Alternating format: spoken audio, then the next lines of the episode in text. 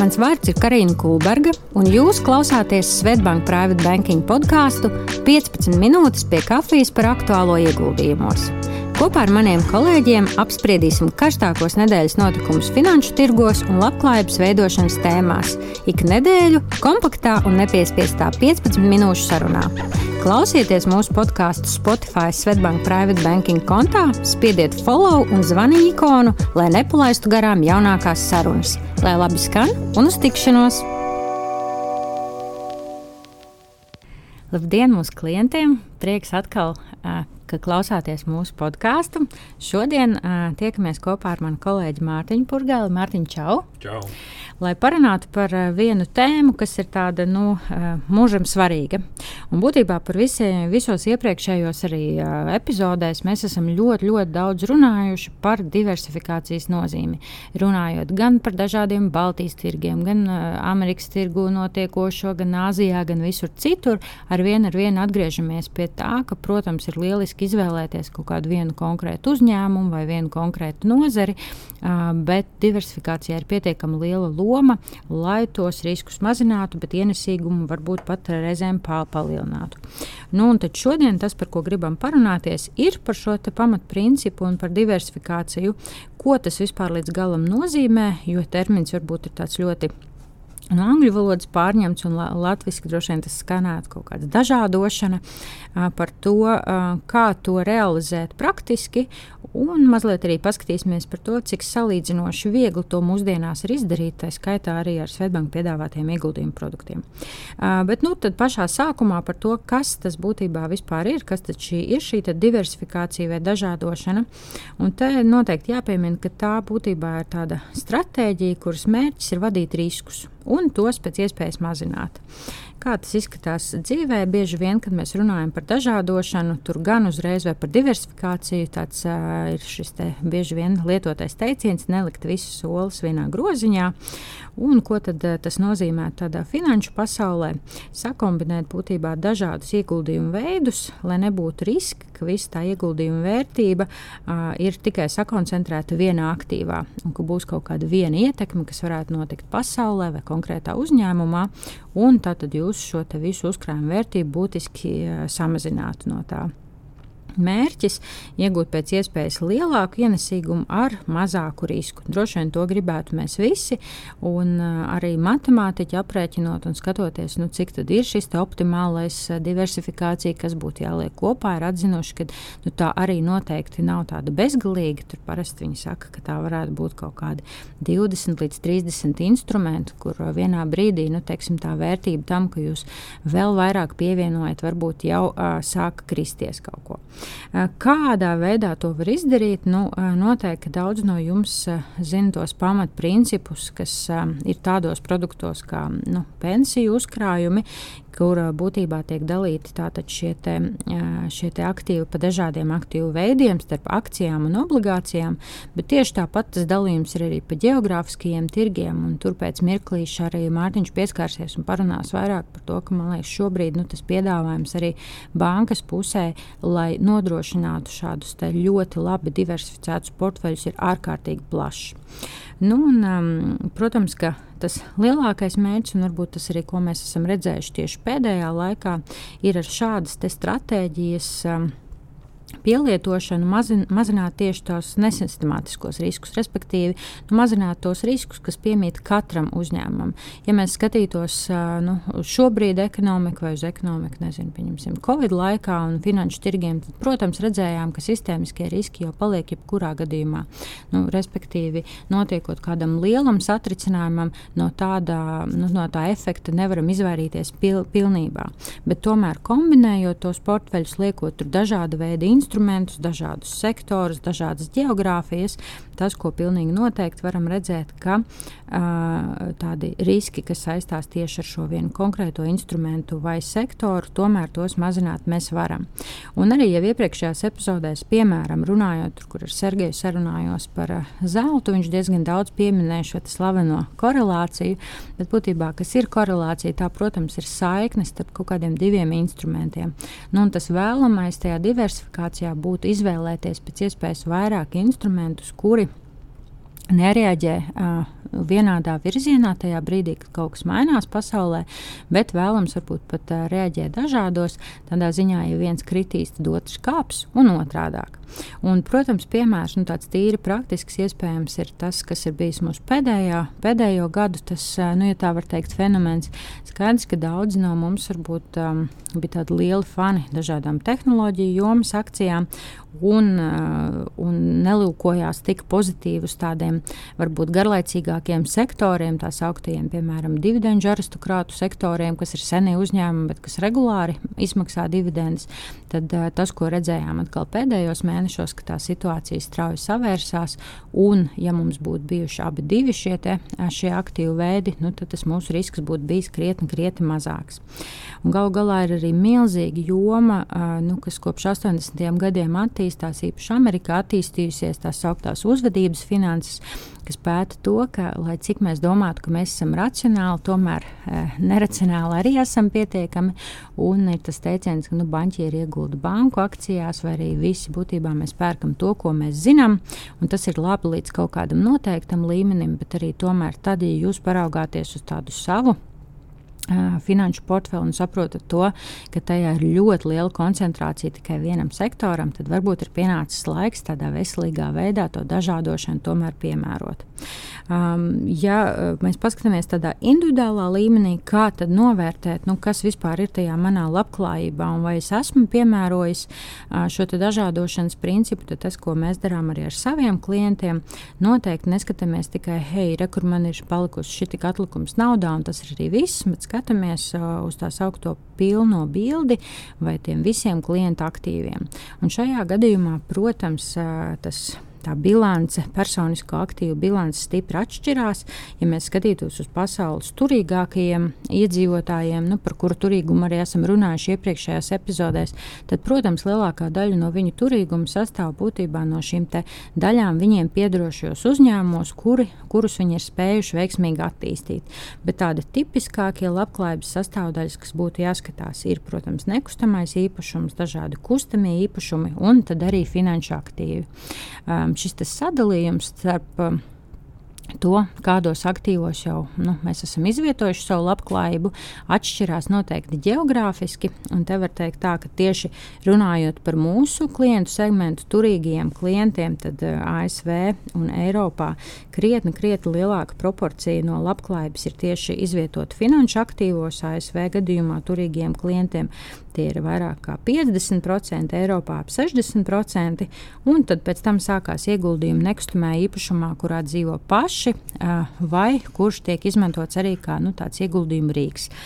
Pagaidām Latvijā pēc oficiāliem datiem skatoties tajā turīgāko iedzīvotāju percentīlē, lielākā daļa tomēr labklājības joprojām sastāv no pašiem esošā sava mājokļa, tad no ieguldījumiem dažādos nekustamajos īpašumos un tikai tad finanšu aktīviem.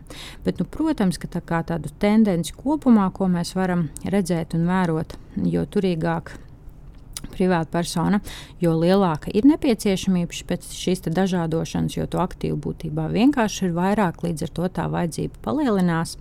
Uh, visvairāk redzam to, ka tiek sākts parasti ar tādu lokālāko un saprotamāko, un bieži vien tas tiešām ir šis nekustamais īpašums, bet uh, nereti arī klienti paši izvērtē un skatās, ka nu, varbūt šī te, uh, kopsakarība ieguldījuma nekustamā īpašumā ir lielākā daļa, un to ir nepieciešams dažādot.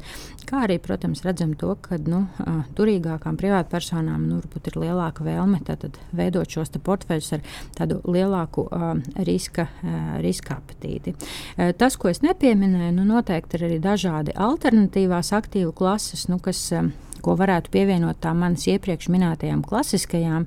Iespējams, ka tajos būtu tāda aktīva kā māksla, kaut kāda antīkie auto, riska fondi un, protams, arī tāda pēdējā laika varbūt tendence kaut kāda ieguldījuma tādos augsta riska investīcijās kā startupos, bet arī par to mēs runājām pēdējā klientu seminārā šeit klātienē tiekoties ar jums, nu, kad, protams, ka mēs ieteiktu, ka tā proporcija jūsu labklājībā būtu tajos salīdzinoši neliela, nu, tomēr atstāt to kā tādu uh, mazāko daļu tādiem arbitrāžas aktīviem. Uh, nu, jā, bet uh, gribēju Mārtiņam arī droši vien palūgt pastāstīt, kas tad ir tie veidi, kā uh, mūsu klienti caur mūsu produktiem var realizēt šo dažādošanas principu.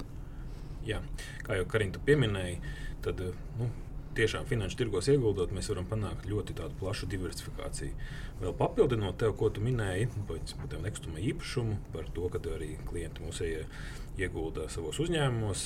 Šeit, ko mums palīdz finanšu tirgi, tas, ka mēs varam arī dažādot ieguldījumus pa reģioniem. Jo pārsvarā, nu, ja mums ir savs mājoklis vai uzņēmums, kas mums pieder, tad tas ir pārsvarā mājas tirgu, šeit Latvijā. Tajā pašā laikā, ieguldot finanšu tirgos, mēs varam izvēlēties pilnīgi jebkuru reģionu, pilnīgi vienalga, kurā vietā mēs ieguldām un tādā veidā samazinām svārstīgumu negatīvos periodos. Nu, pēc būtības par, papildinot vēl par diversifikāciju, mans uzskats vienmēr ir bijis, ka nu, tas mums ļauj nu, samazināt tādu lielu kļūdu iespējamību savos ieguldījumos.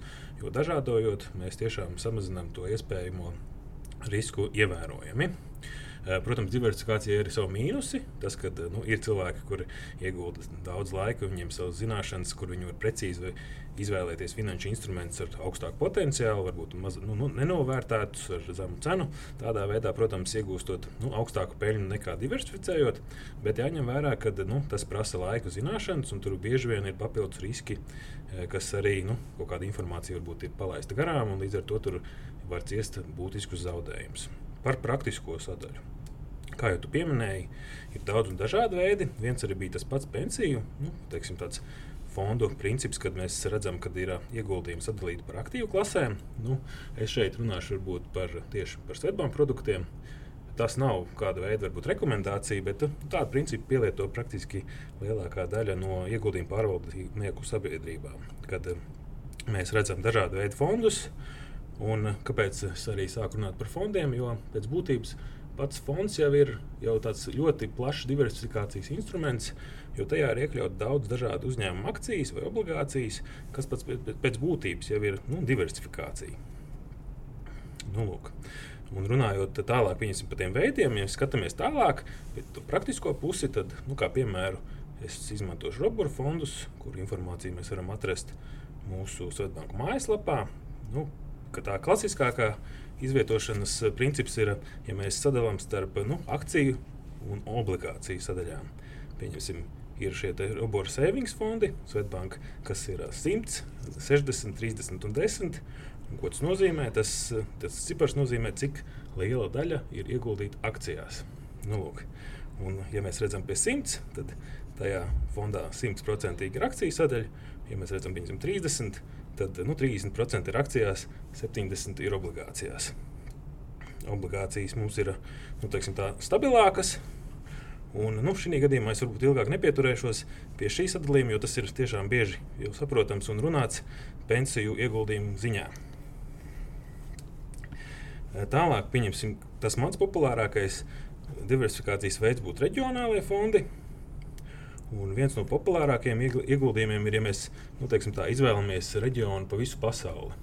Arī Robūra gadījumā mums ir nu, fonds, kas ir Svetbanka Robūra eh, Access Edge Global, kas iegulda pa visu pasauli.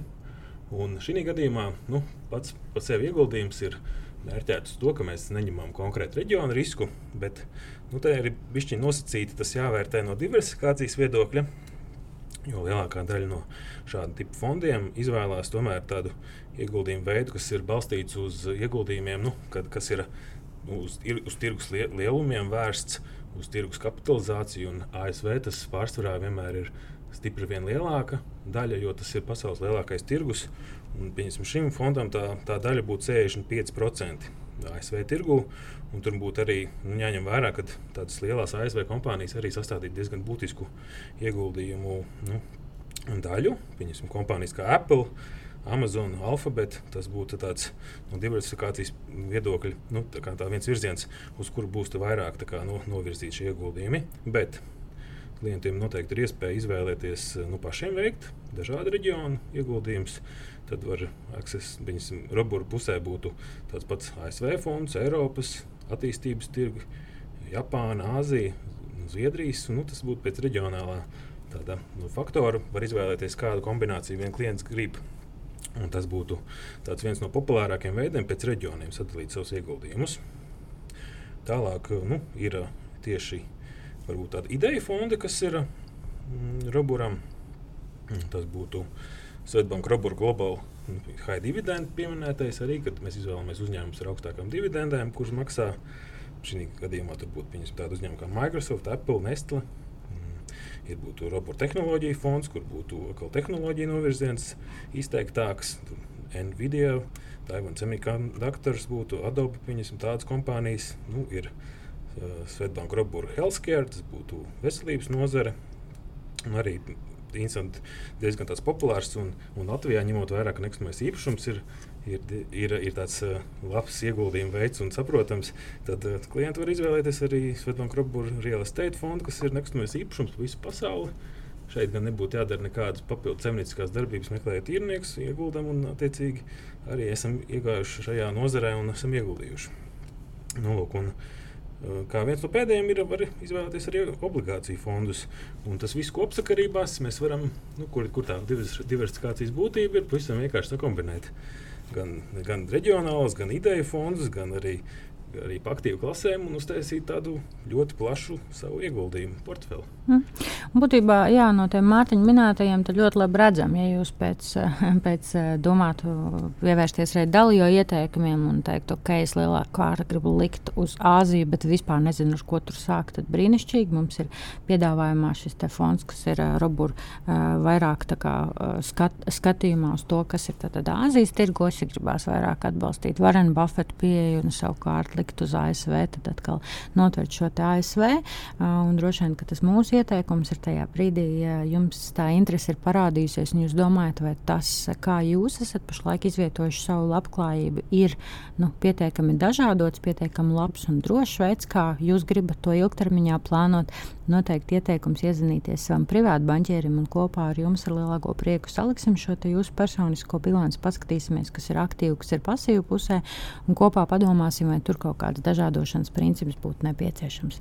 Un, šis ir tāds šodienas eh, zelta likuma pārskatīšanas tēma šodienas epizodē. Teikšu paldies Mārtiņam par sarunu un lai veiksmīgu dienu! Atā. Audio saturā dzirdētā informācija nav uzskatāms par ieguldījumu konsultāciju vai ieteikumu slēgt finanšu tirgus darījumus vai ieguldīt finanšu instrumentos. Paldies, ka noklausījāties mūsu sarunu šodien. Atgādinu, ka, lai nenokavētu jaunākās epizodes, spiediet follow un zvaniņu ikonu Spotify kontā Svetbank Private Banking, lai laba diena un uz drīzu tikšanos!